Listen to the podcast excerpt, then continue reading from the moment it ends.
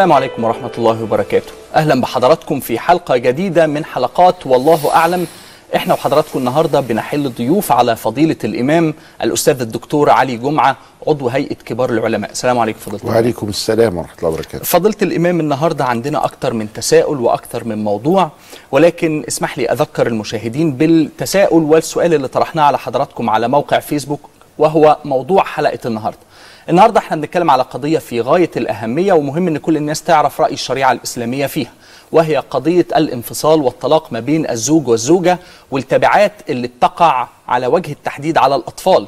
هم أكتر ناس بتضر نفسيا وهم أكتر ناس بتضر كمان معنويا فبالتالي عايزين نوضح النهاردة رأي الشريعة في آه، حق الحضانة وفي حق الرؤية لماذا آه، يعني خص الإسلام الأم في البداية بحق الحضانة وما هي شروط رؤية الأب لأبنائه؟ ده هيكون موضوعنا النهاردة وموجود هذا الموضوع على موقع فيسبوك. ولكن اسمحوا لنا مشاهدينا واسمح لنا فضيلة الإمام بأن إحنا نوضح موضوع. الموضوع ده كان مثار جدل هذا الأسبوع وهو إحالة عدد كبير من آه، المتهمين في قضايا وأحداث عنف وشغب حصلت في صعيد مصر. إحالة أوراق هؤلاء المتهمين إلى فضيلة المفتي. حضرتك كنت طبعا مفتي الديار المصرية الأسبق فإحنا عايزين نستوضح من حضرتك بيبقى إيه دور دار الإفتاء في مثل هذه القضايا وفي مثل هذه الإحالات؟ بسم الله الرحمن الرحيم الحمد لله والصلاة والسلام على سيدنا رسول الله وآله وصحبه ومن والاه. ابتداء وحتى نسير سيرا صحيحا فإن الاعتراض والتورك على آه، أحكام القضاء أمر مقيت يجب علينا أن نتعلم ثقافة احترام القضاء خاصة وأن القضاء المصري قد أثبت جدارته بامتياز عبر السنين وله من الخبرة والكفاءة ما آه، جعله يضع رأسه في العالمين في أعلى عليين وجعله يضع أقدامه مشاركا النظم القانونية ال- ال- العالمية. القضاء المصري والحمد لله أمر نفخر به. بالإضافة إلى أن الدولة الحديثة التي تبنت أساليب الفصل بين السلطات بتجعل القضاء ليس هو الحكومة. بعض الناس أيضا يتورك على القضاء أو يهدد الحكومة. لأن قاضيا قد حكم أو لأن قاضيا قد قال. وهذا أمر معناه أنه لا يفهم ما نعيشه. نحن نعيش دولة حديثة فيها الفصل بين السلطات الثلاثة التشريعية والقضائية والتنفيذية. الحكومة. هذه تنفيذ. والحكومة لا تستطيع أن تعصى القضاء لدرجة أن كثير من الوزراء ومن رؤساء الوزراء ومن المحافظين ومن أولي الأمر القاضي يسجنهم لو ما نفذوش أمره. وجريمة اسمها عدم تنفيذ الحكم القضائي البات المعمول به. إذا فيجب علينا ككل الأمم المتطورة والمتحضرة أن نحترم القضاء. وأنا عندما كنت أقرأ في السيرة النبوية وأقرأ في التاريخ الإسلامي بالرغم من الفتن والأحداث الكثيرة التي كانت في هذا التاريخ إلا أنه يمكن وصف التاريخ الإسلامي بأنه تاريخ القضاء. تاريخ الق- القضاء هو القضاء التاريخ الإسلامي هو التاريخ الإسلامي. هناك ظلم حدث في الحكم هناك ظلم حصل وانحرافات حدثت في آه، مع- مع الحكام لكن القضاء ظل شامخا. وقويا في أحداث لا نهاية لها من التاريخ الإسلامي بحيث إنه أقر العدالة في الأرض.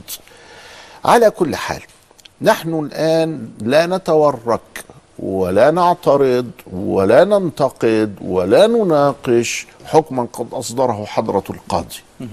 القاضي ده حاجة كبيرة مكنه الله سبحانه وتعالى في الأرض. القاضي صاحب سلطة وهذه السلطة من عند الله. هم يتكلمون عن الحاكم الفرعوني الذي يظن نفسه من عند الله. نحن ليس عندنا في الإسلام حاكم فرعون والحاكم يحاسب. ولكن الذي عندنا القاضي. القاضي هو الذي قد وكله الله سلطة للقضاء بين الناس بحيث إن ما قضى به ينفذ ظاهرا وباطنا.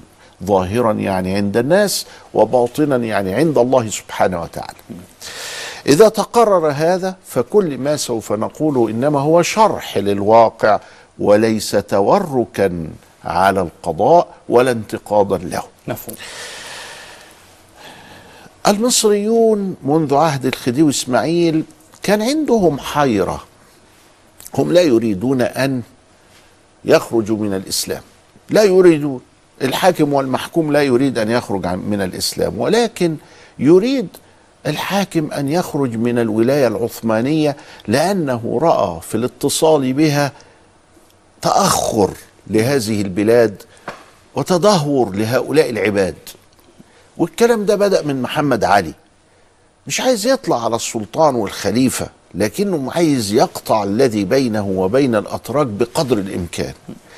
وخطوة خطوة عمل كده محمد علي وقطع بعض الخيوط وجه إسماعيل وكان عايز يعمل راسه براس عبد العزيز الخليفة العثماني. مفهوم. كان عبد العزيز لما ينزل في لندن في أوضة عند ال- الملكة فيكتوريا أم إسماعيل يروح عايز يقعد في نفس الأوضة. قال يعني راسه براس الخليفة عبد العزيز. لما جه ينف... عايز ينفصل أم الل... أم الأتراك عملوا حاجة اسمها المجلة العدلية. والمجلة العدلية دي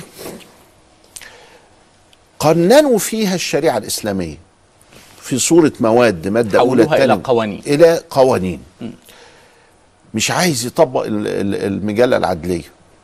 إنما مش عايز يخرج عن الإسلام. فجمع العلماء وقال لهم أعمل إيه؟ فواحد قال له ممكن تنتقل من المذهب الحنفي إلى المذهب المالكي. مش الدنيا هنا حنفية زي العثمانية؟ قال له آه. قال له نروح للملكية. والملكية فيها مزيتين. أول حاجة إنك ما خرجتش من الإسلام ولا حاجة. تمام. تاني حاجة إنها قد قننت فعلا عن طريق الأندلس في فرنسا.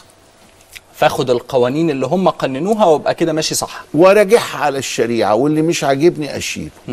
فكلف بالحكاية دي رفاعة بيك الطهطاوي وكلف بالحكاية دي مخلوف المنياوي العدوي.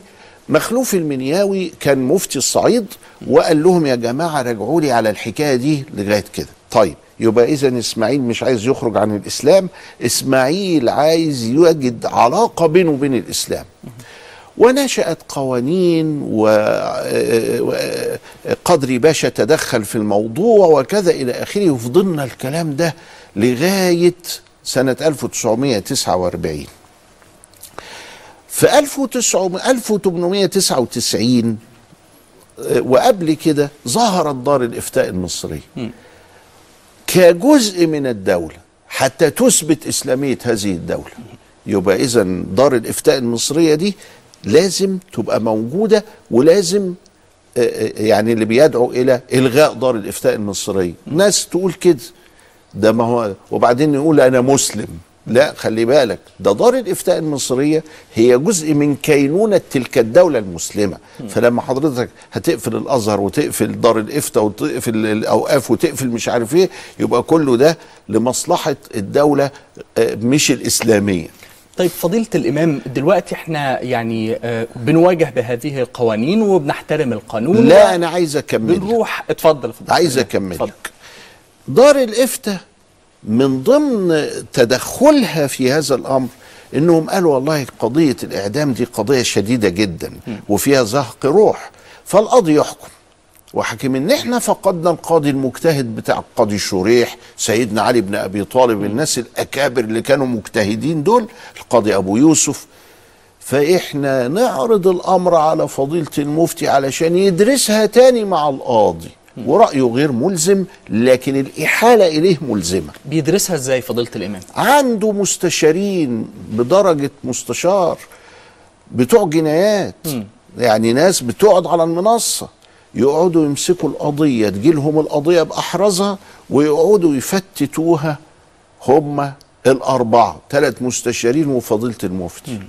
ويقعدوا يقروها. ويشوفوا أي ثغرة ممكن إن هو نبرأ بيها الراجل ده أو حتى نقول إنه مش هو القاتل أو إن مش يقين إنه ما قتلش بيقين. حضرتك بتحال من القاضي بتاع الجنايات وبعدين بتروح لفضيلة المفتي يدرسها وبعدين بيكتب تقريره. إما بيوافق المحكمة بس طبقا للأوراق ما سمعش الشهود. أيوة. هو طبقا للأوراق. وإما بيخالف المحكمة. كان يحال إلي كل سنة 80 قضية. 80 قضية ده لغاية سنة 11 أو 10 2010 2010 تمام. ال 80 بقت 160 قضية في السنة. طيب ال 80 قضية دي اللي كانت بتحال إلي كام بتطلب النيابة من حضرة القاضي الإعدام فبيحكم في 80 3200 في السنة. ف 3200 دول 80 على 3200 يعني واحد من 40 يعني زي نسبة الزكاة 2.5% تمام. يعني 2.5% القاضي بيقول نسأل فيها المفتي و97.5% بيقول لا. دي ياخد سجن براءة كذا كذا كذا. فالنيابة ترى 300 3200 بيودي بس 80 بيودي واحد على 40 من القضايا اللي جاية له. اللي جاية له. زادت ال 3200 في سنة 9 و10 و11 و12 إلى آخره لغاية ما وصلت النهارده إلى 240 قضية. أربع أضعاف من آه، الأربع سنين اللي فاتت. تمام.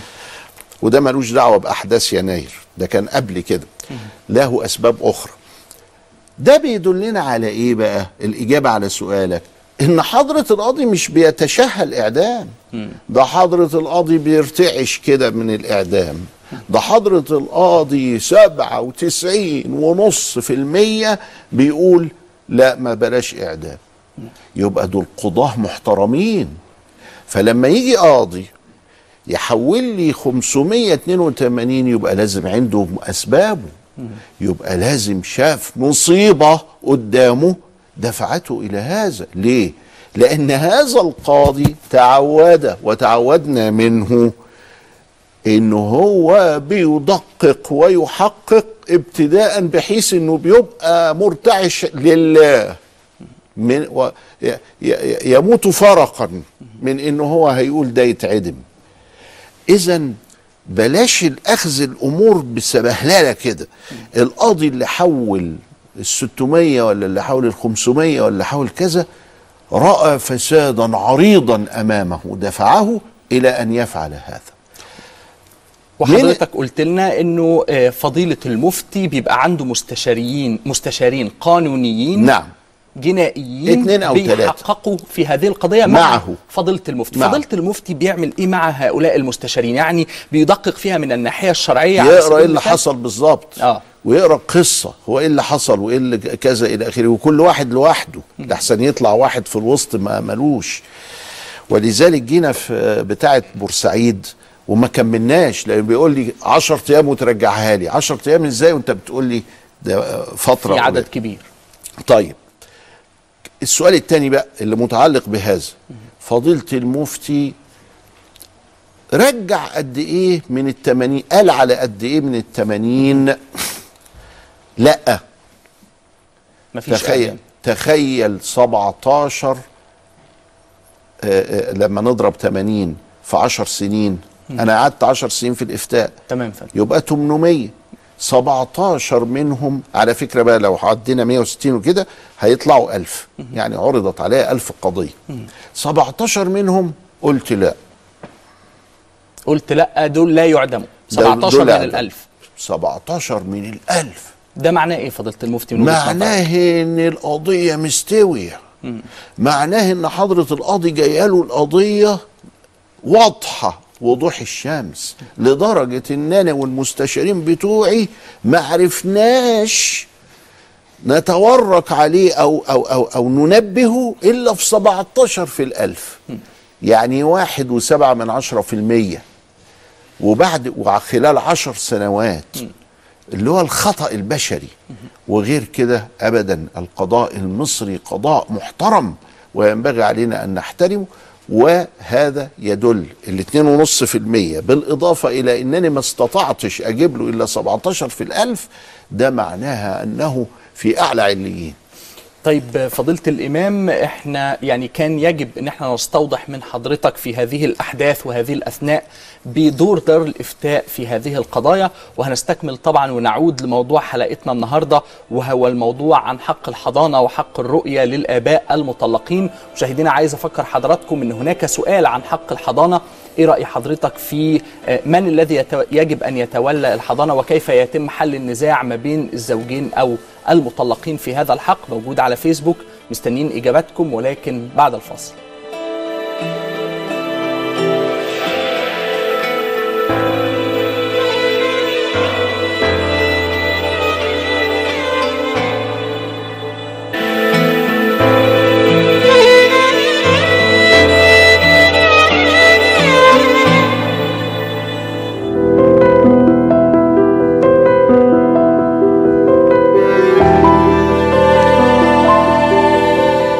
الحضانة شرعا للأم لأن أحن من الأب. الأم بتمد الأولاد بحنان و... و... وحاجة قوة إلهية ربنا خلقها فيها. لو السن بتاع الطفل فاهم إن تناقشيه ناقشيه واسأليه. يعني هم وهم أطفال وهم صغيرين لازم حضانتهم مع الأم. لازم الأبناء يكونوا مع الأب.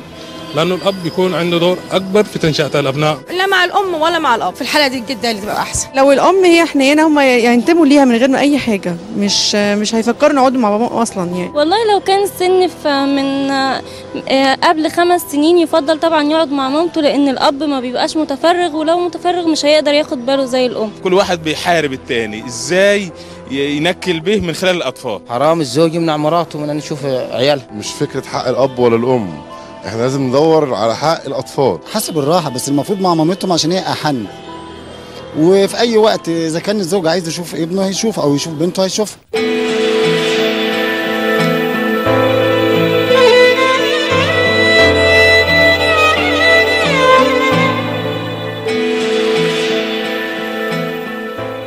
ما زلنا في ضيافة فضيلة الإمام الأستاذ الدكتور علي جمعة عضو هيئة كبار العلماء. وزي ما حضراتكم تابعتم في هذا التقرير رغم أن الشرع واضح في حق الحضانة إلا أن الآراء منقسمة والنزاعات اللي إحنا بنعيشها اليومين دول على حق الحضانة وحق الرؤية ما بين المطلقين ما زالت مستمرة.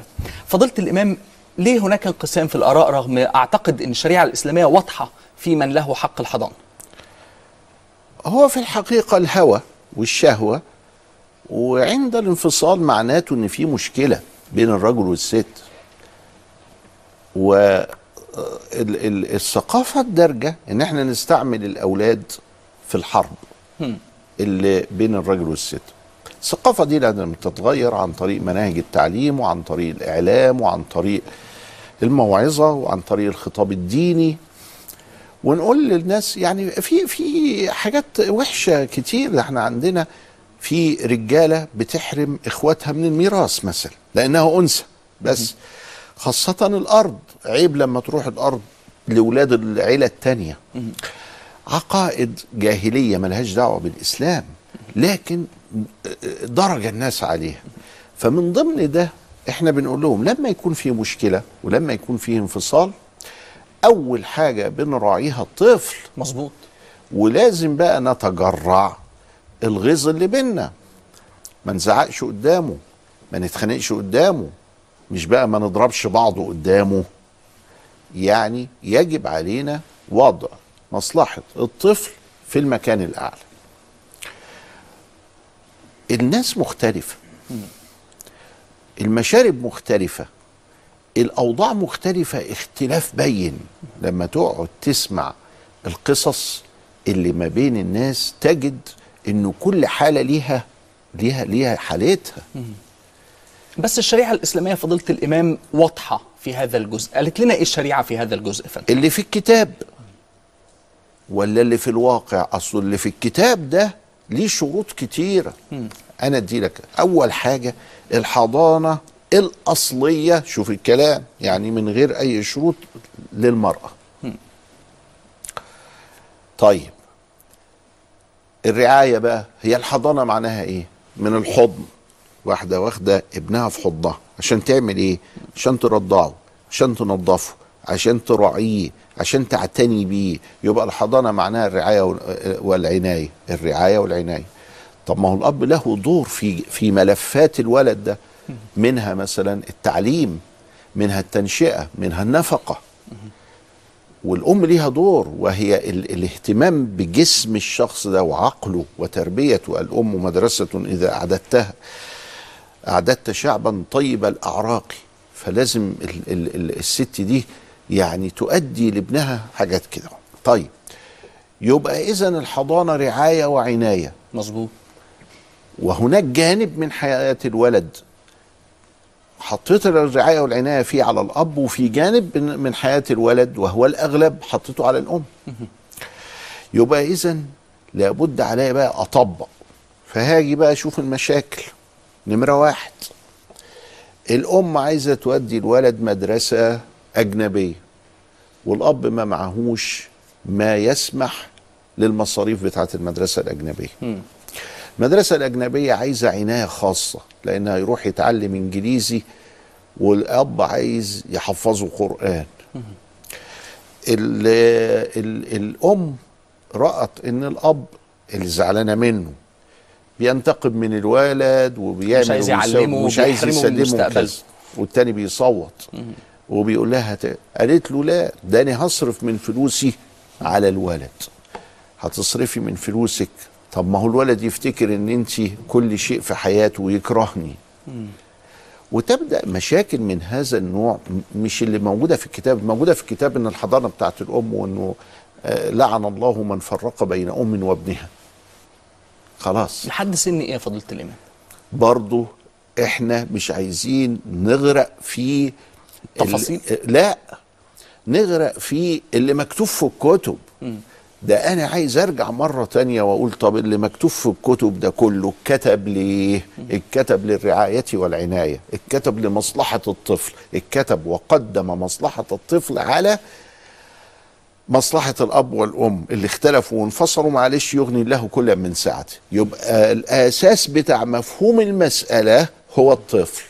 ولذلك أنا كان لي رأي وما زلت متمسكا به. إيه هو الإمام؟ له علاقة باللي إحنا قدمناه في بداية الحلقة. إحنا قدمنا في بداية الحلقة إيه؟ مدح واعتزاز بالقضاء المصري. تمام. فأنا بقول إنه يا جماعة مسألة الحضانة تحال إلى القاضي والقاضي يحكم فيها. ولا نقول بقى سن كام ولا نقول إزاي ولا نقول كذا. والقاضي هيتدرب. وفعلا لما فتحوا محاكم الأسرة محاكم الأسرة فكرة استرالية من استراليا. على طول تدرب القضاة بتوعتنا. خلال سنة سنتين بقوا يعني حاجة كبيرة قوي. هيتدرب القاضي إن هو يسمع الأب ويسمع الأم وبالخبرة بتاعته المتتالية هيعرف يميز وهيعرف يبقى عنده حساسية ضخمة جدا وهي موجودة الآن ولكن هتزيد هذه ال- الحساسية الطيبة التي سوف تريه الحق وتنير قلبه وحكمه بين الناس. حضرتك ترى إن موضوع الحضانة بكل النزاعات اللي بتحصل ما بين الأب والأم يحال إلى قضاة يروح الأسرة. لحضرة القاضي. حضرة القاضي بقى أيوه يا ستي أنت منع الراجل ليه إنه يشوف الطفل؟ قالت له أقول لك يا حضرة القاضي. قال لي أشوفه. قلت له طيب. فجهزت الولد علشان يفوت الساعة خمسة آه، ياخده. فات الساعة تسعة. والواد لابس وقاعد. وقاعد ومتذنب وابتدى يكره أبوه لأن أبوه بيخلف الموعد. يا عم انت جيت الساعة 9 ليه؟ قال شغل وزحمة الطريق والدنيا كذا. الله طب انت واخد بالك؟ كل واحد عنده حق. كل واحد ليه وجهة نظر وظروف وحكاية. قال لها طب يا ست دي مرة. قالت له لا ده كل مره أنا جاي خمسة ويجي تسعة. أنا جاي خمسة ويجي تسعة. نمرة اتنين. الولد لازم يتراعى. خدوا لابوه وأمه. جدته وجده. فراح هناك فما غيرولوش وما اعتنوش بيه تمام. وما وكلهوش وما عطلوش الدواء بتاعه اللي كان ينبغي إن هو ياخده في ميعاده. فالولد جاي لي بين الحياة والموت هل يا حضرة القاضي أديهوله مرة تانية؟ ومن القاضي عنده حساسية. يقول لها طب كم مرة حصل كده؟ وهل هي مرات متتالية ولا مرة مرة في العمر حصل كده وبقيه المرات الواد زي الفل وخد حاجته كذا إلى آخره. لا هي مرة واحدة الله ده يبقى أنت متعنتة بقى. لأن الحاجة الاستثنائية غير الحاجة الأصلية. لا ده كل مرة كده يبقى أنت راجل مهمل.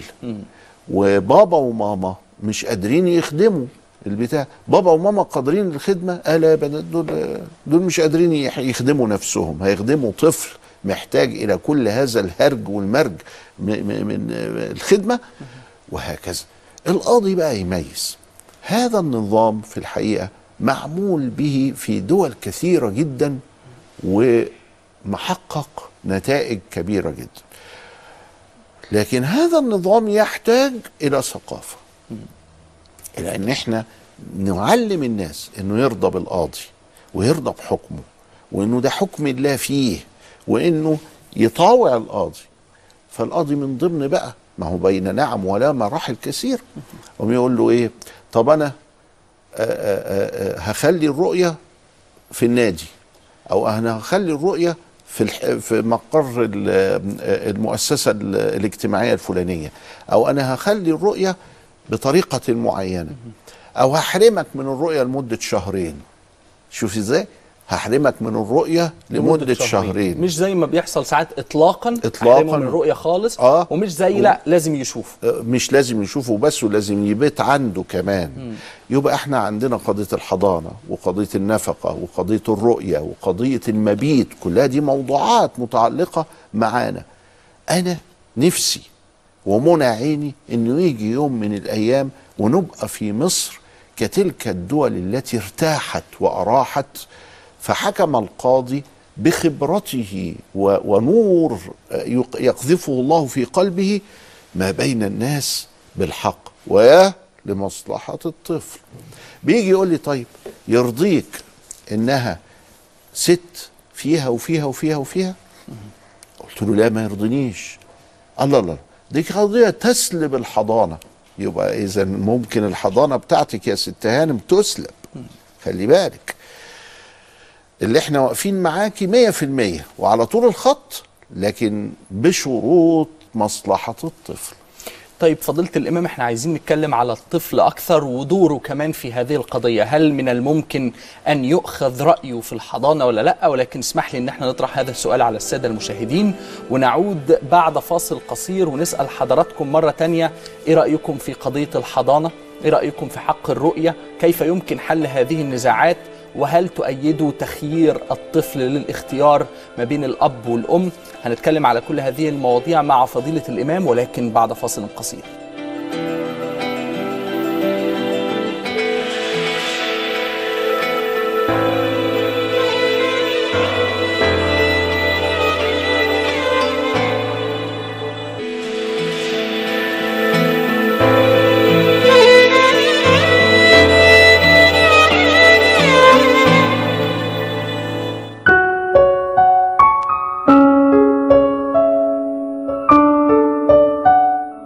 بعد انفصال الأب والأم يسعى كل منهم إلى تشويه صورة الآخر عند الأبناء. دون النظر إلى ما تكونه هذه الصورة في نفس الأبناء من كره لأحدهما. كان سبب إن أنا كنت أسيب اللي هو أبوهم ده ما كانش مديني إن أنا أعرف اربي العيال دي. خرجت جريت عليهم بقيت أجري أشتغل اكلهم أسقيهم. جت بقى اتطلقت منه. حكم عليا مضاني الشيك على بياض أدفع 150 ألف جنيه. سبب ما أنا اتطلقت منه. مضاني ورقه إن أنا ماليش عيال عشان است... عشان يستنزل عن القضية دي مضاني إن أنا ماليش عيال. العيال دي أنا بربيها دلوقتي. بجري عليهم بجري عليهم وأكلهم وبسقيهم ومعايا عيل معاهم مش راضيين يخلوني أشوف. عنده دلوقتي 15 سنة. حاكمين عليا إن أنا ما أشوفوش. ولو شافني يقولوا له أمك دي وحشه أمك فيها أمك تساوي. هم حبسوا مني الثلاث عيال. في اتنين ج- جولي من حنيتهم من أكلهم من شرب عليهم. التاني خدوه منه وهو صغير. ما خلونيش أشوف لحد النهارده. خدوه طفل عنده سنتين. عنده دلوقتي 15 سنة. نفسي اشوفه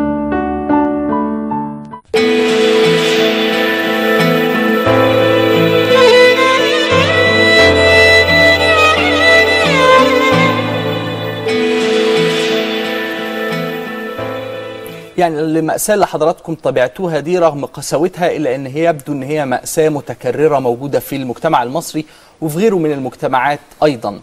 فضيلة الإمام يعني أب يحرم أم من أن هي تشوف ابنها لمدة 15 سنة يعني إمعانا في إذلالها بعد الطلاق.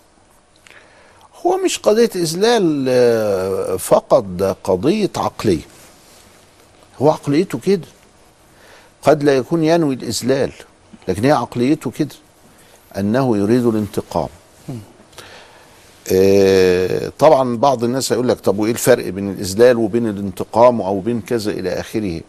آه، الإذلال ده نوع من أنواع الأمراض النفسية يعني. هو هو شايف روحه إن هو مش مريض نفسيا لكن هو أخلاقه لا فيها نوع من أنواع القسوة. بيعاقبها. بيعاقبها. بس أنا برضه في دايرة خلي بالك. إحنا بنتكلم دلوقتي وكأن الست يعني لأن إحنا تعاطفنا مع هذه الحالة والست صادقة وهو الراجل كان كده. لكن أيضا في آه، الأنواع الأربعة موجودة. الطيب مع الطيبة موجودين انفصلوا. لكن هو طيب وهي طيبة. أو طيب مع الشريرة أو الشرير مع الطيبة أو الشرير مع الشريرة. الأربعة موجودين في حياتنا. في ستات بتعلن الحرب على الرجال مستعملة للأطفال بطريقة مش ممكن مش مش معقول. عايزين نغير ده ونخلي الكل طيب وطيب. ولما حتى يبقى في شر في أحد الجانبين المجتمع يضغط عليه يعمل سلطة يخلي إنه ده عيب يخليه هو نفسه قدام نفسه أو هي قدام نفسها عيب تعملي كده أو عيب يعمل كده. فإحنا أمام الحقيقة حالات مختلفة. اولا الطيبه والشر ده الطيب والشرير ده موجودة في الأصناف الأربعة. الراجل والست تضربها في الطيب والشرير يطلع أربع أنواع. وكذلك هو الأبناء واحد ولا الأبناء متعددين؟ دي ده, ده, ده عقدة تانية. متعددين قصد حضرتك في السن مثلا؟ لا متعددين في يعني هو ولد منهم، واحد مش أكتر من ولا عيلين أو ثلاثة أو أربعة. وبعدين القضية الثانية صبيان ولا بنات ولا صبيان وبنات؟ القضية الثالثة هم أسنانهم قد إيه؟ شهر وشهرين ولا ثلاثة وأربعة ولا عشرة وعش... وكده إلى آخره. وإحنا عندنا بقى القانون ما شاء الله خلى الطفولة لغاية سن 18 سنة. طيب يبقى أنا عندي دلوقتي فترة للحضانة هتمتد إلى 18 سنة. وبعدين كمان ركبها متركبة المسألة. متركبة بيقول طيب. إيه هي نقدر نقول بانتهاء الحضانة؟ لو الأم ماتت الحضانة مش هتنتقل إلى أمها. مش إلى الزوج. مش إلى الزوج. لو الزوجة الأم دي أم العيال اللي هي الطليقة آه، آه، آه، اتجوزت برضه هتنتقل إلى أمها. فأختها. وهكذا. من طرف الأم لأنهم في الحقيقة أحن. أحن بطريقة طبيعية غير مبررة وغير مفهومة. ال- حب الأم لأولادها حب عجيب. ولو إن الأم مش بتحبهم الحب اللي هو العجيب الغريب اللي إحنا مش عارفين نفسره ده يبقى عندها مرض. يبقى هي عندها مشكلة. لو ما كانتش كذلك. في طبعا واحد في المليون واحد في الألف. لكن على كل حال دي عملية مركبة وهو ده اللي بيخليني أقول وأعيد وأزيد أن الأمر يعرض على حضرة القاضي. طيب ويدرس هو بقى كل الحالة بحالتها وكمان بالأحوال المختلفة وبالسنين المختلفة وما فيش حاجة اسمها كده وكل شوية يروحوا للقاضي والقاضي يحكم لهم وأحكام مرحلية لغاية ما يخلص ابتدائي لغاية ما يخلص إعدادي لغاية ما كذا مش عارف إيه وهكذا. ولكن يعني آه، فضيلة الإمام في الشريعة رأي الدين ما قسمهاش برضو في السنوات؟ يعني ما يعني ربنا ما قالش مثلا اللي هو أصغر من سنة يفضل مع الأم وبعد كده اللي هو في مرحلة المراهقة يج- يجب أن يكون مع الأر مع الأب وهكذا؟ نص شرعي ما فيش في القرآن شيء من هذا إنه بيحدد أسنان معينة وفي في السنة يمكن حديث والحديث واقعة حال. وفي في الفقه إنه لغاية تسعة واتناشر. وحسب الحال بقى الأب هنا يجي ماسك بالنص ده اللي موجود في الفقه ومش موجود في الكتاب والسنة وموجود في الفقه معناته إيه؟ معناته إنه حكم زمني. يعني حكم صلح وكان يصلح الأبناء في زمن معين. زمن ما فيش آه، تويتر وفيسبوك. زمن ما كانش فيه اتصالات ومواصلات.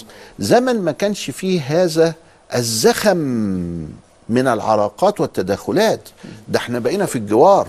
ده أنا أمريكا وبيحدث فيها الحادثة واليابان قاعد أشوفها على الساتلايت في نفس الوقت. زمن آخر.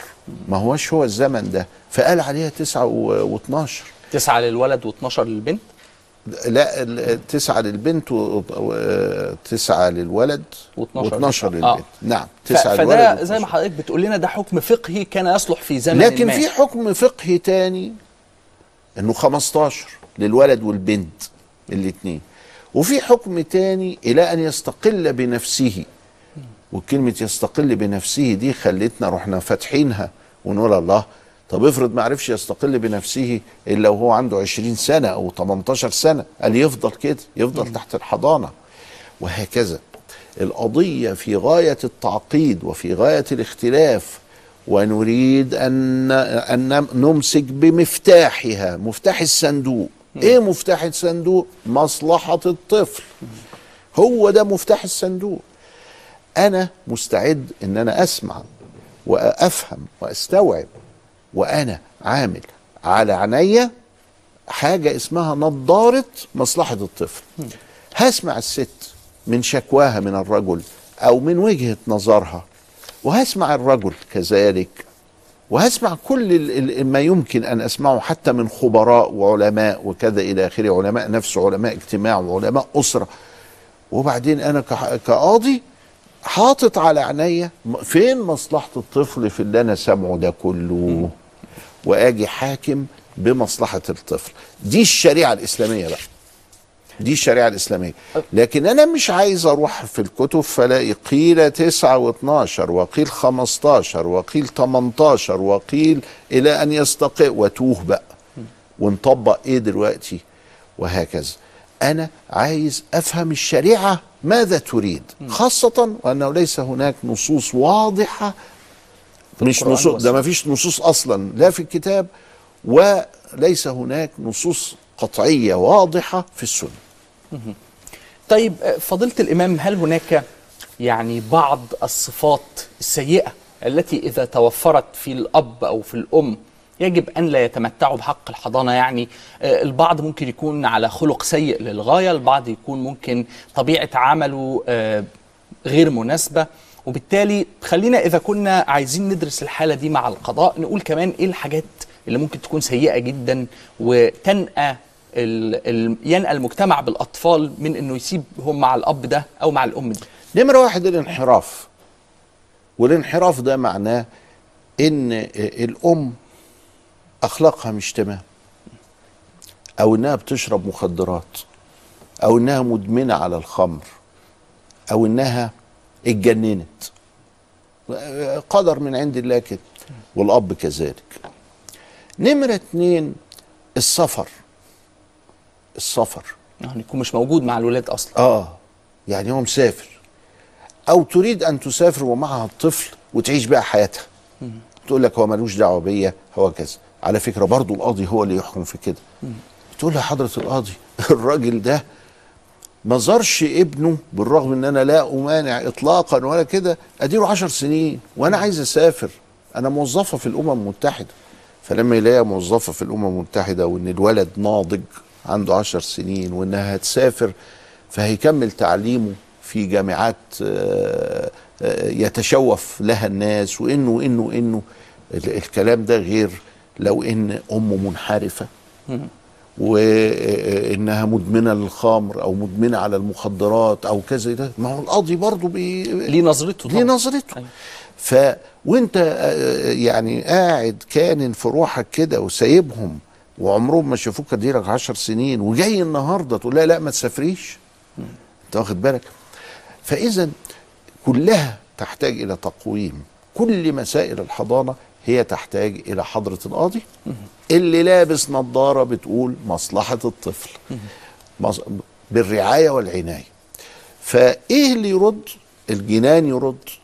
الإدمان على الخمر ولا المخدرات وك... الانحراف يرد. السافة. الله. واحدة سفيهة. يقول لك ده أنا كفي مخروم. مخروم إزاي؟ أي دخل ما يبقاش عندها ثلاث أيام. وبعدين تدخل بقى العيال في شيكات وإيصالات وت... السجن. اتسجنت. فخلاص السجن زي الموت. أخو الموت على طول. اذا ف برضه لما نبحث طب إيه الجامع بقى ما بين ده كله؟ عدم الاهتمام أو الرعاية. آه، مصلحة الطفل. آه. اللي هي ال- الحضانة اللي هي الرعاية والعناية. يبقى اذا إحنا عايزين المفاتيح دي نحفظها لأن هي دي اللي هتنفعنا مش هينفعنا تفاصيل الأحكام. تفاصيل الأحكام تعين القاضي تفاصيل الأحكام تفتح مخه تفاصيل الأحكام تساعده وتو... وكده. يعني المحامي دي فكرة المحامي بيروح يعمل إيه؟ المحامي بيحاول يساعد القاضي. يساعده. ينور المحكمة. ينور المحكمة. يحط إيده على حاجة القاضي مش واخد باله منها. يبقى الدفاع ده هو وهو بي بيقول مش ما يقصدش أكل أموال الناس بالباطل ولا تضليل المحكمة. هو يقصد خلي بالك يا حضرة القاضي من النص ده اللي معناه كده. خلي بالك إن غيرك من القضاة حكم بهذا في الوقت الفلاني وبرر وعلل خلي بالك إن في محاكم أعلى منك بتقول وبتسعيد خلي بالك إن في فقهاء من أساتذتك أيها القاضي قالوا عادوا في لما ودرستهم في الكلية. هم القاضي المحامي بيبذل مجهود أن ينير للقاضي الطريق. لكن هو لا يتحكم في القاضي. والقاضي بقى ياخد المعلومات دي كلها ويعمل زي النحلة اللي بتاخد ال- الأزهار ويعطي عسلا. يطلع بقى بعد ما, ما يعيش في القضية يدي عسل اللي هو إحنا بنقول يا جماعة اوعوا تقولوا على العسل مر واوعوا تقولوا على العسل بصل. العسل عسل. طيب فضيلة الإمام إحنا يعني هنخرج إلى فاصل قصير وعايز أذكر السادة المشاهدين أنه بعد هذا الفاصل هنبدأ في تلقي أسئلة حضراتكم حوالين موضوع الحلقة وحوالين كمان كل التساؤلات اللي حضراتكم تحبوا تطرحوها على فضيلة الإمام. بفكر حضراتكم مرة تانية بالسؤال اللي إحنا طرحناه عليكم على صفحة البرنامج على موقع التواصل الاجتماعي فيسبوك كيف يمكن حل مشكلة حضانة الأبناء؟ عند انفصال الزوجين من وجهة نظركم وهل تؤيدون هل تؤيدوا تخيير الأبناء في الانضمام لأي من الطرفين؟ فاصل قصير ثم نعاود حوارنا مرة أخرى في والله أعلم.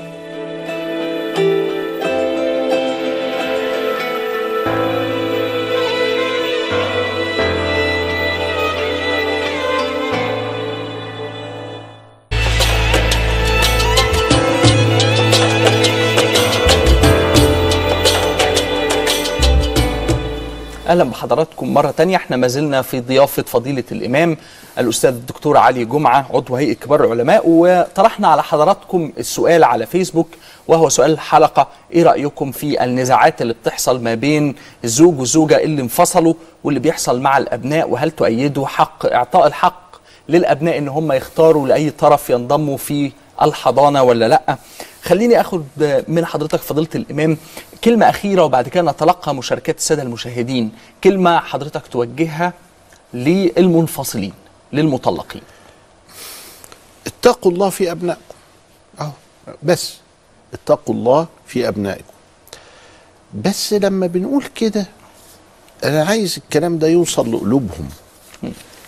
والوصول إلى قلوبهم لازم يمر عن طريق التربية. لازم الأب والأم دول يكونوا متربيين. فاذا كنا قصرنا في التربية وفي التعليم سنين طويلة فأنا بدعو من الآن إلى إدخال هذا في مناهج التعليم. عايزين نعلم الأطفال إزاي يبقى إنسان. لأنه لو اتعلم إزاي يبقى إنسان مش هيعمل إلا كده. مش هيشخط في مراته أو طليقته قدام ابنه أو بنته.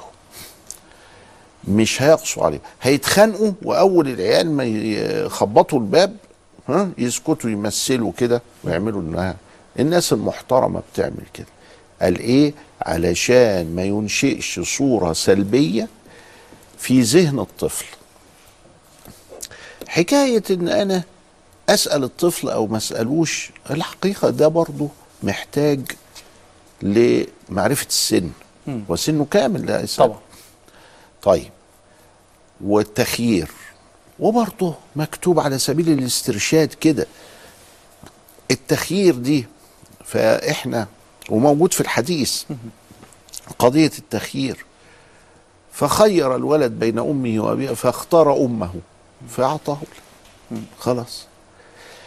آه، لكن بس كان عندهم شرف. كان عندهم آه، آه، آه، كرامة كان عندهم عزة. فما كانتش الأم ابدا تشتم في الأب وهو غايب.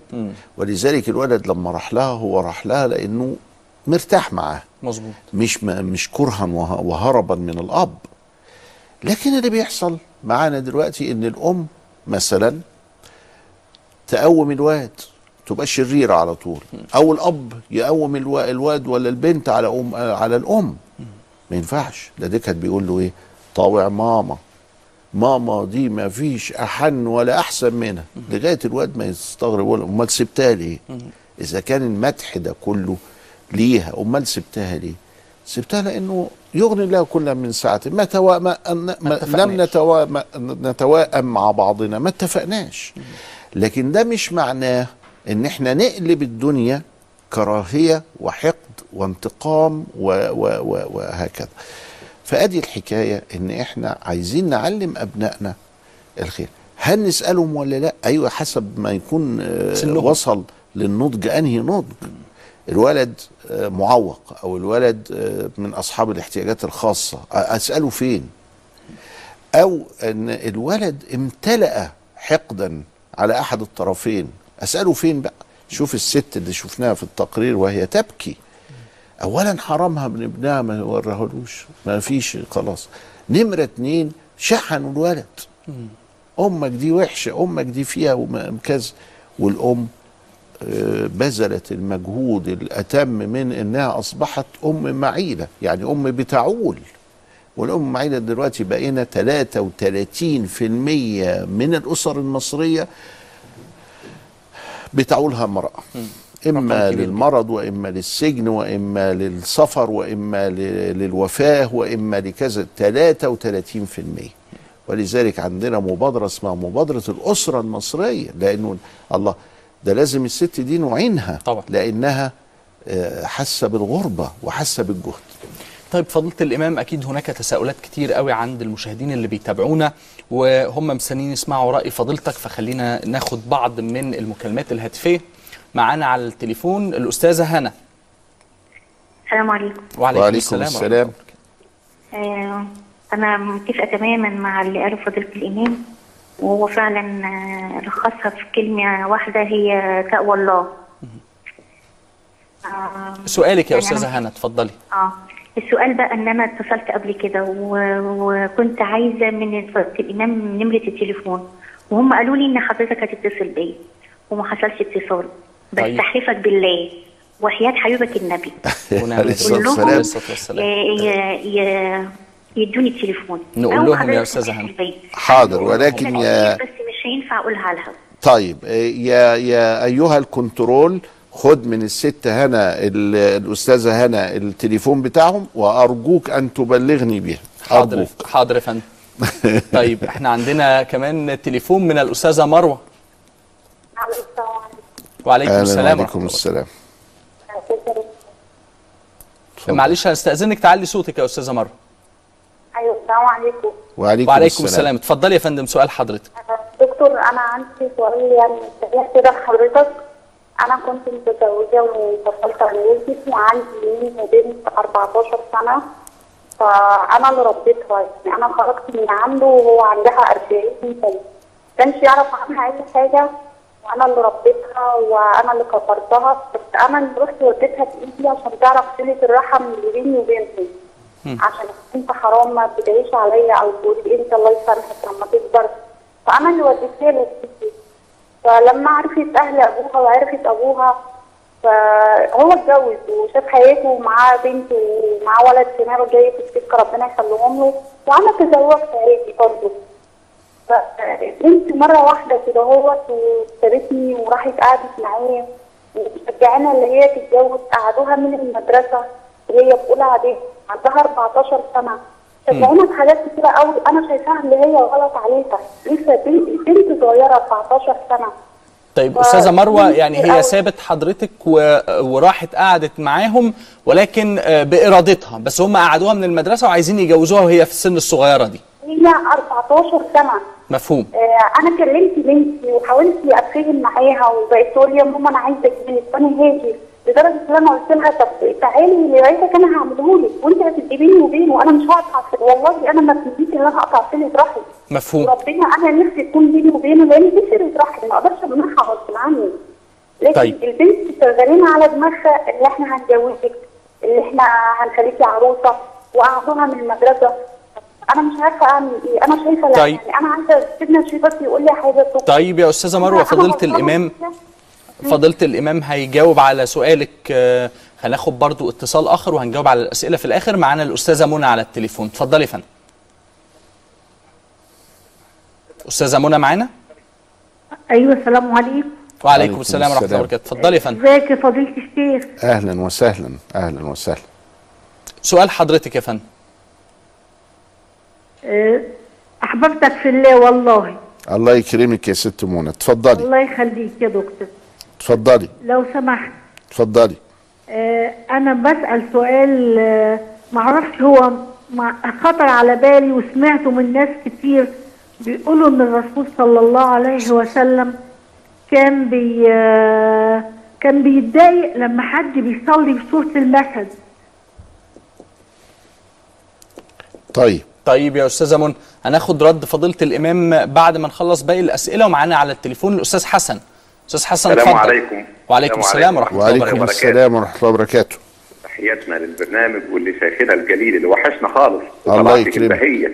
أهلا وسهلا. آه سؤالي آه ولو أنهم إذ ظلموا أنفسهم جاءوك جاءوك صلى الله عليه وسلم وقالوا بعض العلماء في الحياة فقط بعد انتقاله صلى الله عليه وسلم أرجو تفسير هذا المعنى. السؤال الاخير معلش بعد إذن حضرتك. اتفضل الإيمان يزيد وينقص. كيف ذلك؟ ولكم كل التوفيق. شكرا يا أستاذ حسن. معانا كمان سؤال من الاستاذ عبد الرحمن. اتفضل يا أستاذ عبد الرحمن. السلام عليكم. وعليكم, وعليكم السلام. أربع نقط سريعا بس. أنا أول نقطة حابب أشكر فضيلة مولانا الشيخ علي على المجهود اللي بيبذله إن هو يعني يعيد العلاقة الفطريه ما بين الناس وبين دين ربنا بعيد عن فكر بني إسرائيل وبعيد عن فكر المتشددين. فان ربنا يفتح عليك فتوح العارفين ويمد بمات سيدنا رسول الله كده. ويفوت عليك من بركاته. عليه إحنا الصلاة كمان والسلام. بنشكره معاك يا أستاذ عبد. الرحمن.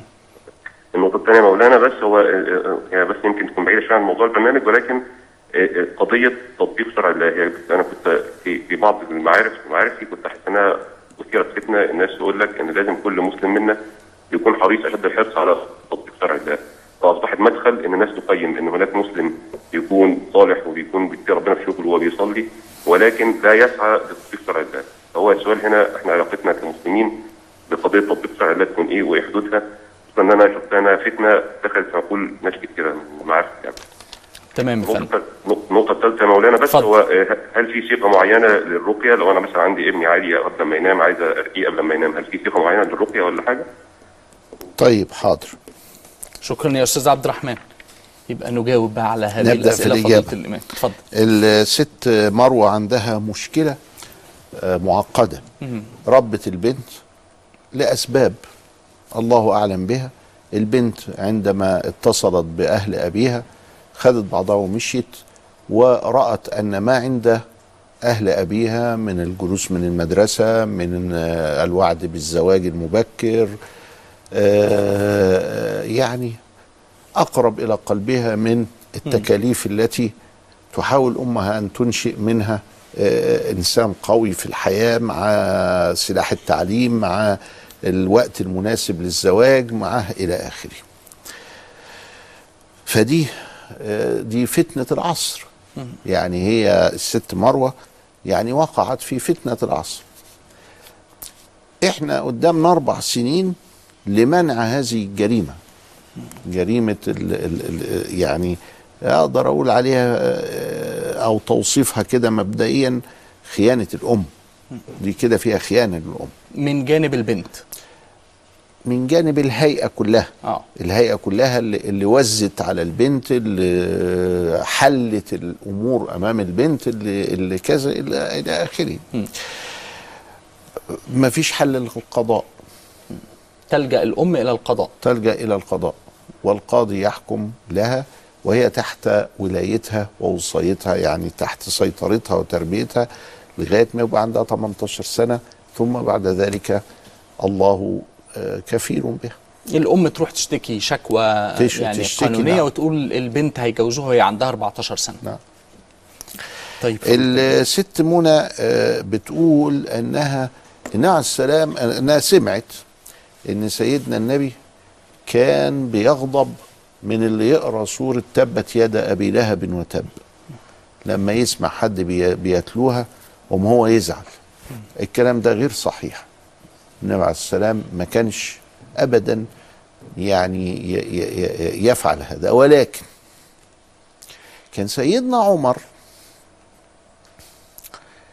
لما يلاقي لقى واحد كل شوية وهو بيقرأ يقول لك بسم الله الرحمن الرحيم عبس وتولى أن جاءه الأعمى ويعمل كده. طيب تاني يوم عبس وتولى برضه. تالت يوم قوم يقرأ سورة المسد تبت يد أبي لهب وتب عشان عم النبي يعني. رابع يوم يقرأ عبس و- فاتهمه بالنفاق. قالوا أنت بتعمل كده ليه؟ عايز انت- تزعج النبي؟ آه، أنت آه يعني أنت عايز تعمل إيه؟ فده جاي آه طبعا من من الصحابة الكرام لما استشعروا أن بعضهم يستغل ما هو يعني في منتهى الرقي. من آه، آه، المولى عز وجل. المولى عز وجل ان هو آه، يعني النبي عليه السلام يقول يا فاطمة بنت محمد لو أنك سرقت لقطع محمد يدك.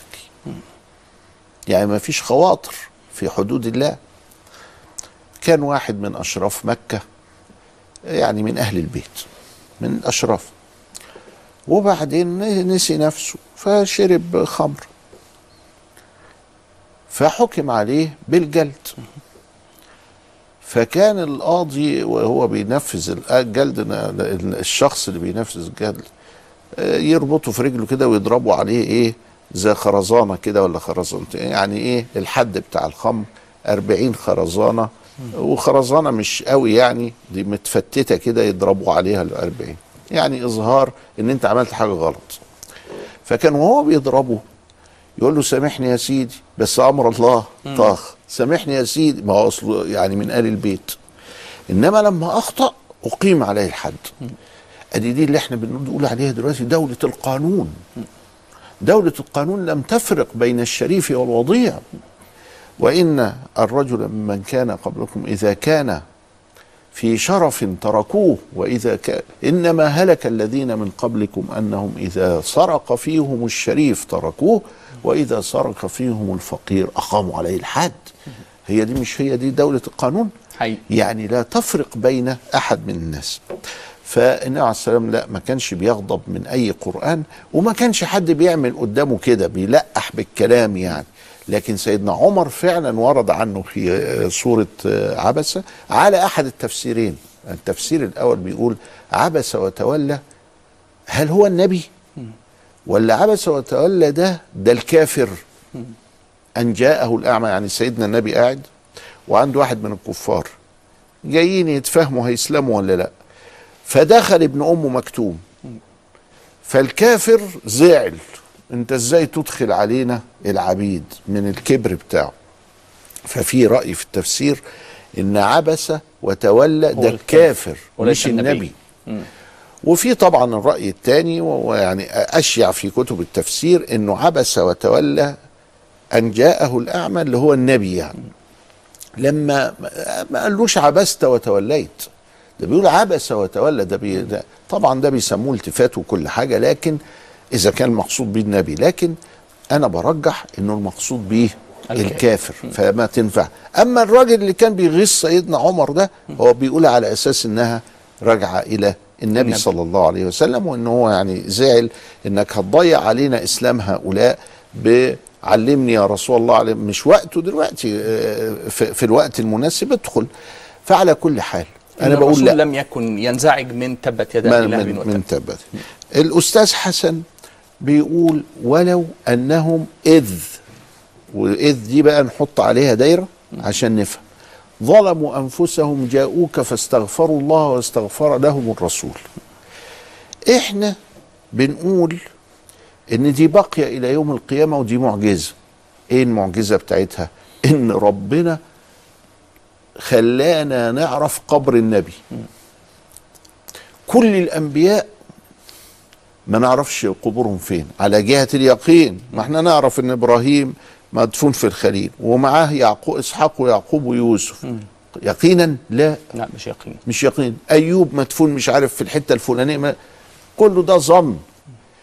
لكن محمد المسلم وغير المسلم السبعة مليار اللي على وجه الأرض عارفين إن اللي تحت القبة الخضراء ده محمد صاحب الرسالة المحمدية المصطفوية رسالة الإسلام. سواء آمن بيه أو ما آمنش بيه لكن عارف إنه ده هنا محمد. ليه حفاظا على القرآن؟ بيقول ولو أنهم إذ ظلموا أنفسهم جاءوك فاستغفروا الله واستغفر لهم الرسول. هم بعض الناس مش عايزنا نروح للرسول ولا عايزنا نسلم عليه. كأن الرسول ده خلاص راح وخلاص وانتهى. ولو أنهم إذ هم يقول لك ده إذ دي للماضي من الزمان. وليس للمستقبل. بنقول له لا انت ما تعرفش حاجة في اللغة. إذ للماضي والحاضر والمستقبل. قال ده لو كانت آه، آه، يعني للمستقبل كان قال إيه؟ ولو أنهم إذا ظلموا أنفسهم جاءوك. قلنا له آه لو قال له كده إذا ظلموا أنفسهم.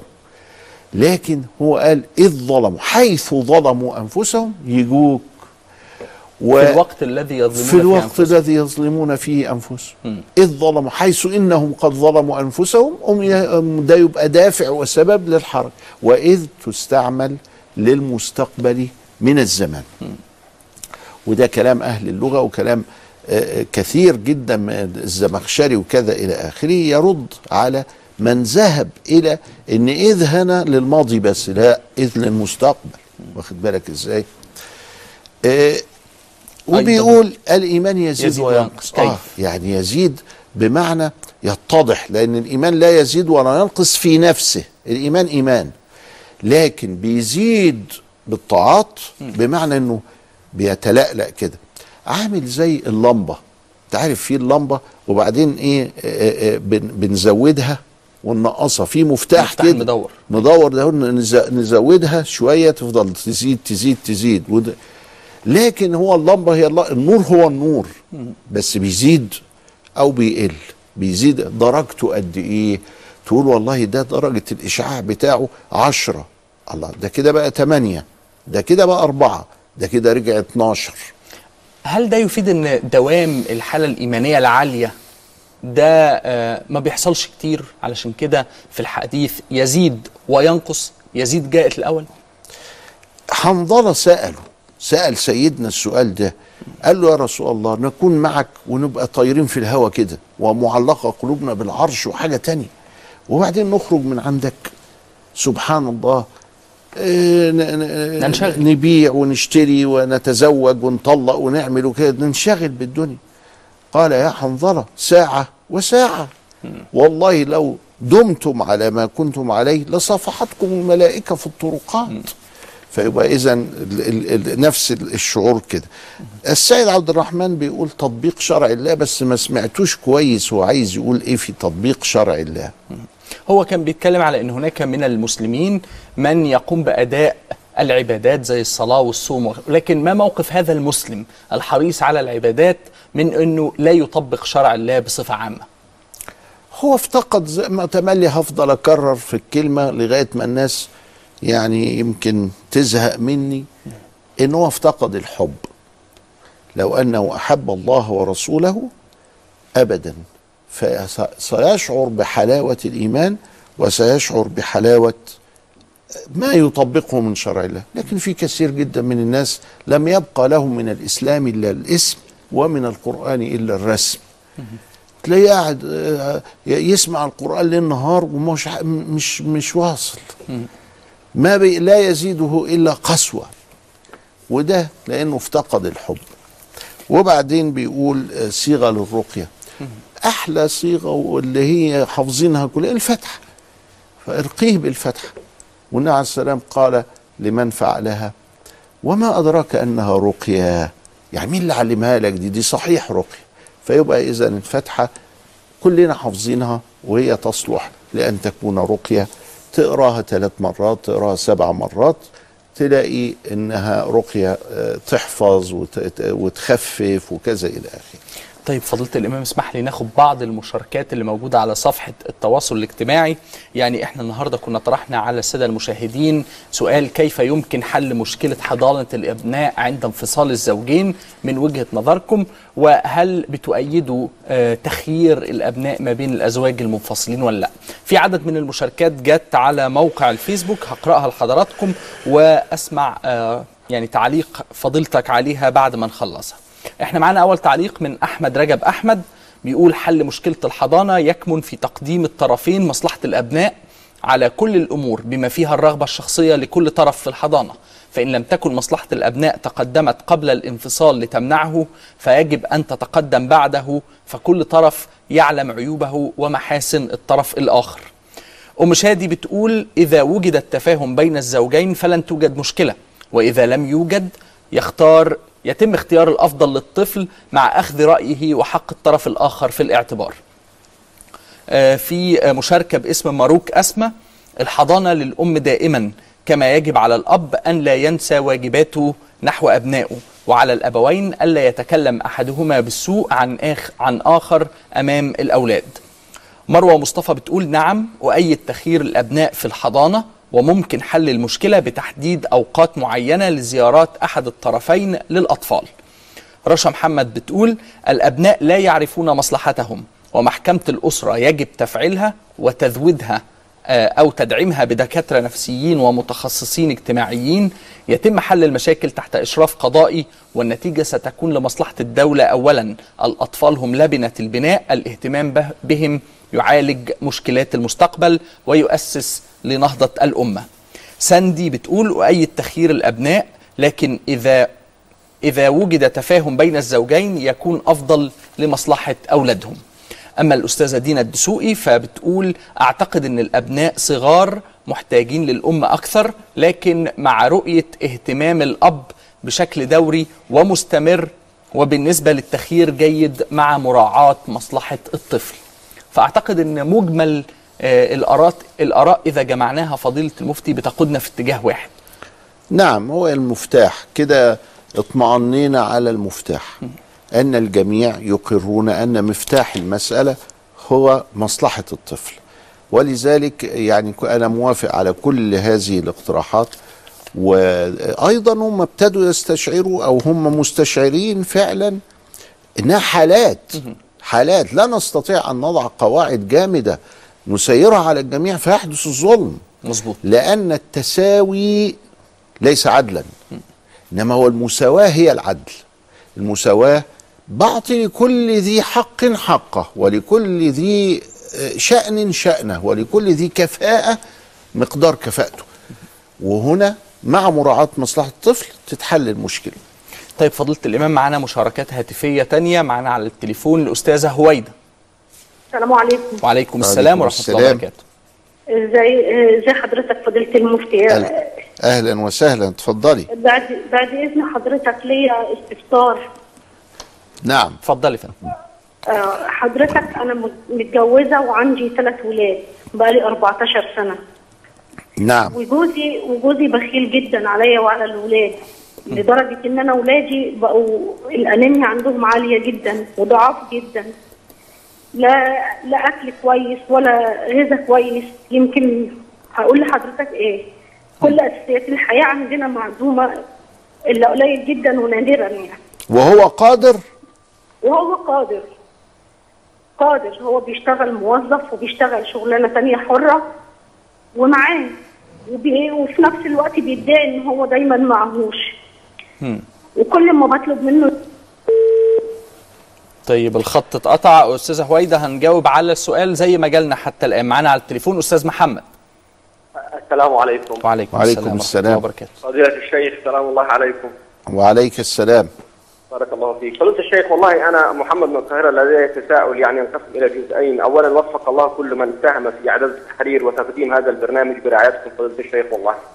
أشكرك. اتفضل يا فندم. سؤال آه، حضرتك. اولا يعني لدي معضلة فيما يختص ما بين الدعاء واليقين والحماسية لدى الشباب، يعني أنا آه، آه، كشاب لدي نوع من الحماس في تحقيق بعض الأهداف آه، لكن آه، لدي يقين أنني مهما اجتهدت في فعل هذه الجزئية فلن أتمكن من تحقيق. هذا هذا الارتباط ما بين جهدي وما بين يقين بداخلي أنني لن أستطيع أن أتجاوز هذه المرحلة، هل أكثف من الدعاء لكي أحقق هذه الجزئية أم أنه ما دام ترسخ يقين داخلي بأنني لن أتحقق من فعل هذه يعني هذا الموضوع سأكتفي وأصمت يعني. مفهوم فندم هل هذا. أولاً. هل سؤال آخر آه نعم السؤال تفضل. الثاني فيما يختص يعني نحن كشباب ونرى مصر الآن العزيزة وعليها بعض المؤامرات يعني آه، واليوم قرأنا في الصحف أن يعني مياه النيل ستصدرها الدولة التي ستبني سدا يخنق المصريين. هل إذا تمكنا نحن كشباب بجهد شخصي أن نساهم في حل هذه المشكلة بصرف النظر عن إمكانياتنا لكن خارج إطار الدولة بدون أن نتعاون مع وزارة الخارجية عن طريق علاقات عن طريق استثمارات في هذه الدولة قد يعني ترغمهم أن يستمعوا للمصريين. هل واجب علينا أو هل هناك أي اعتراض أن نفعل هذه الجزئية أم علينا أن نخاطب الجهات الرسمية المتمثلة في رئاسة الجمهورية والمتمثلة في وزارة الخارجية مفهوم يا أستاذ محمد. الكرام؟ يعني حتى نعود وصل تساؤل حضرتك وفضيلة الإمام آه، هيجيب حضرتك ولكن ناخد اتصال من أستاذ طارق. اتفضل يا أستاذ طارق. ألو السلام عليكم. وعليكم, وعليكم السلام. السلام. آه، فضيلة المفتي ازي حضرتك؟ أهلا وسهلا بكم. أنا بحب حضرتك في الله والله العظيم. الله يكرمك أحبك الذي أحببتنا فيه. آه، اتفضل يا أستاذ عندي بس مشكلة صغيرة ه- أشرحها لحضرتك. إن أنا كنت متزوج وكان كنت خلف بنت.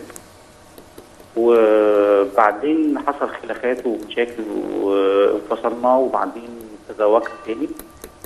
آه، وخلفت وخلفت ولد. هو دلوقتي يمكن يبقى عنده خمس سنين دلوقتي تقريبا يعني. وقبل قبل أربع سنين تقريبا أنا حصل متاعي ما بين الناس وكده ورديت زوجتي و... من و- أربع سنوات حصل إيه يا أستاذ طارق؟ آه، حصل متاعي من الناس يعني وده. ورديت زوجتي الأولانية بسبب إن هي عندها بنت وكده. تمام. سؤال حضرتك يا أستاذ طارق. يعني للأسف يعني إن أنا اكتشفت بعد الزواج ان أنا اتجوزتها وخلفت منها آه، أهلها مش آه، يعني ناس سلوكهم سيء ووضعهم سيء ف... بس أنا برضو يعني كنت مصر إن أنا أكمل لأن أنا كنت مخلف منها وكده وكان الموضوع ده كان سبب خلاف ما بين عيلتي أنا وما بين ما بين. ما بين الزوجة الثانية يعني. و... و... وبعد فترة كده بعد الأربع سنين دولت أنا اضطريت إن أنا أطلقها بسبب إن هي يعني هي اللي رافضة يعني آه، زوجتي الأولانية ورافضة وجودي معاهم ورافضة وبتحارب دوت كل ما أوتت من قوة إنها تحارب دوت.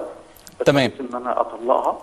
بعد الطلاق أنا ما بعرفش أشوف ابني بشكل كويس تمام. إن اذا حضرتك يعني آه، طلقت زوجتك التانية بعد ما رديت زوجتك الأولانية ودلوقتي حضرتك مش قادر تشوف ابنك منها. آه مع أنا مظبوط. مظبوط يا أستاذ طارق. حاجة وكده. مفهوم. خان هنخلي فضيلة الإمام يوضح آه، الموقف لحضرتك معانا أستاذ محمد دلوقتي على التليفون. اتفضل يا أستاذ محمد. السلام عليكم. وعليكم السلام. السلام. تحياتي لحضرتك ولفضيلة الإمام. أهلا وسهلا. وأنا هتكلم في نقطتين النقطة الأولانية بالنسبة للتخيير يا فضيلة الإمام. التخيير آه، أقره الرسول عليه الصلاة والسلام. فهل يجوز الآن أن نتكلم في التخيير؟ ألم يخير الرسول عليه الصلاة والسلام الطفل؟ خيره. نعم. تمام. تمام. السؤال الثاني. لا يجوز أن نترك هذا بقى إلى إلى القاضي ولا يجوز أن أن أن لا نخيره. النقطة الثانية. لا بس اللي خيره القاضي. يعني سيدنا النبي قاضي. ولذلك هو الذي خير الطفل هو القاضي سيدنا رسول الله. تمام. النقطة الثانية يا أستاذ محمد. النقطة الثانية. آه، نوقشت آه، الرؤية والحضانه عده مرات من مجمع البحوث الإسلامية برئاسه فضيلة الإمام الأكبر شيخ الأزهر وعضوية حضرتك. وآخر جلسة كانت في مايو 2011 مم. حضرتك متابع يا أستاذ محمد صح؟ آه. اتفضل. تابع هذا الموضوع جدا يعني. فأقر المجلس أن الرؤية تجوز الاستضافة بإذن الحاضن وأخذ رأي المحضون مم. إذن الحاضن لأن هي الوحيدة الأم التي تعرف أمان طفلها فين والم- والمحضون لأنه لا يجب أن يزق الخراف إلى مكان قد لا يحب أنه يروحه طيب سؤال حضرتك فين يا أستاذ محمد؟ سؤالي إيه لأن خرجت فتوى من دار الإفتاء الآن تخالف هذا القرار مم. فاختلاف كبار العلماء بيبلبل عامة الناس اللي زينا. خلينا نوضح الاختلاف ده يا أستاذ محمد ونجيب عليه. أيوه إيه هو الخلاف؟ إيه هو يعني إيه هو كانت- الخلاف؟ هو هو, يظن إيه الخلاف؟ صدرت فتوى تخالف ده ما قرار مصادر آه، إيه هو؟ يعني. عايزين ال- نسأله. الفتوى التي صدرت من دار الإفتاء اتفضل. آه. تخالف مجمع البحوث. إيه إزاي يعني؟ وازاي إنها بتنص على أن الاستضافة تجوز بأمر القاضي. هو ماله؟ ما هو ده ما, ما, ما فيش مخالفة. طب حاضر أنا هوضح لك المسألة هذا لا ليس طيب، فيه مخالفة. ده آخر اتصال معانا. ممكن نجاوب فضيلة الإمام على التليفونات اللي معانا. اتفضل. حضرتك آه، ست هويد عندها ثلاث أولاد وبتقول زوجي بخيل. مم. آه، يعني إحنا ب ب بنقول لها إن هي تقوم أيضا بالإعالة لأنه البخل ده ملوش حل.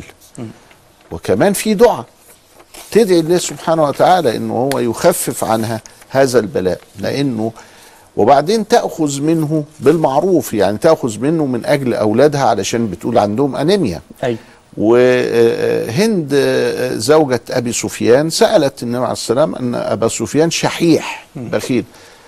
فهل يجوز أن أخذ من وراء؟ لا آه خذي آه، ما يكفيك أنت وأولادك. بالمعروف زي ما بالمعروف. حضرتك قلت. آه، السيد محمد بيقول عنده دعاء يعني بي- بيدعو الله سبحانه وتعالى في حماس وفي يقين ولكن هو متأكد أنه لن يكون الاعتماد على الأسباب شرك وترك الأسباب جهل. فلا نترك الأسباب ولا نترك السعي ولا نعتمد عليه. يا أخي لا تعتمد على حولك وقوتك ولكن اوعي إياك أن تدع- تدع الدعاء.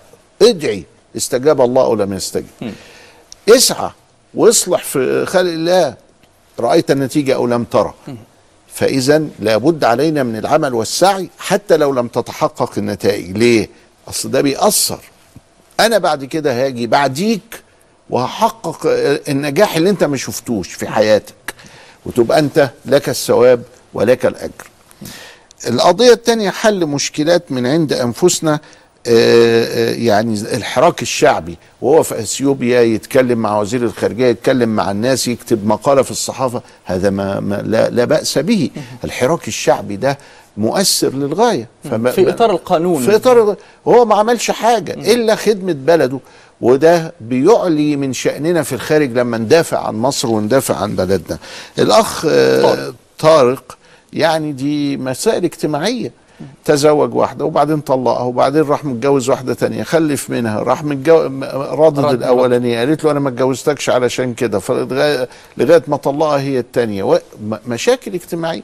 وهو ده مشاكل الطلاق. حرمة حرمة من رؤية ابنه دلوقتي. وحرمها من آه، رؤية ابنه. لا يجوز لها إنها تحرمه من رؤية ابنه. لكن على كل حال ده أمثلة أهي قدامنا بنعلم بيها الناس إنه قبل ما تفكر في الطلاق وأنت عندك طفل أو طفلة فكر ألف مرة لأنك أنت هتوصل للطريق المسدود وللحالة السيئة اللي إحنا فيها دي.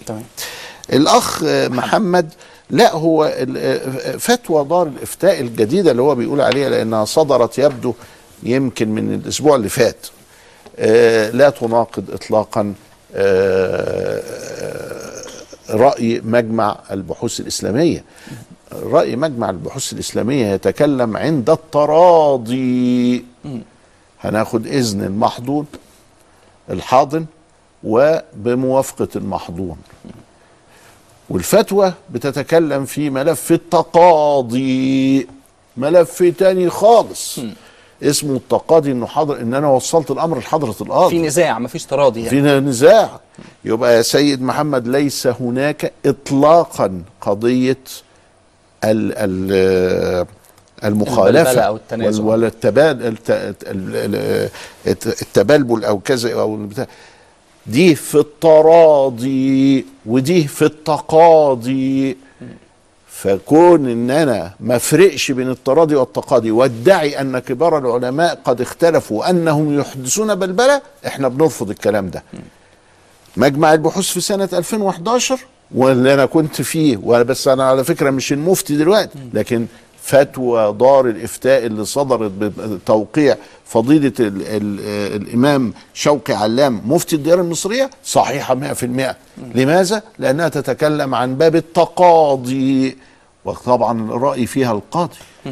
هو وصلنا في النزاع اتخانقنا مع بعض. ما رضيش يا سيدي ده اللي إحنا اللي إحنا بنقول لك في التراضي اتفقوا مع بعض. خلي الحاضنة تعمل. مسكتوا السكاكين لبعض ورحتوا للقاضي يبقى مين اللي يفصل؟ القاضي. فإذا ما فيش أي نزاع ده في التراضي وده في التقاضي وأرجو من الناس إنها تحفظ مفهوم. علشان دول جهتين منفصلتين وإذا انفكت الجهة فلا تناقض. أنا بشكرك شكرا جزيلا فضيلة الإمام على هذا التوضيح وطبعا بنعتذر للسادة المشاهدين إن في بعض الأسئلة اللي جت من خلال الرسائل القصيرة لم يسعفنا الوقت وما قدرناش نرد عليها. بنوعدكم إن إحنا نحاول المرة الجاية يعني ندير الرسائل اللي بتجيلنا بشكل أفضل ونجاوب على الأسئلة. بشكرك طبعا على هذه الاستضافة فضيلة الإمام. شكرا لك. الأستاذ الدكتور علي جمعة عضو مجمع عضو هيئة كبار العلماء. أشكرك شكرا جزيلا. بشكر كمان السادة المشاهدين اللي تابعونا في هذه الحلقة وإلى لقاء آخر في والله أعلم.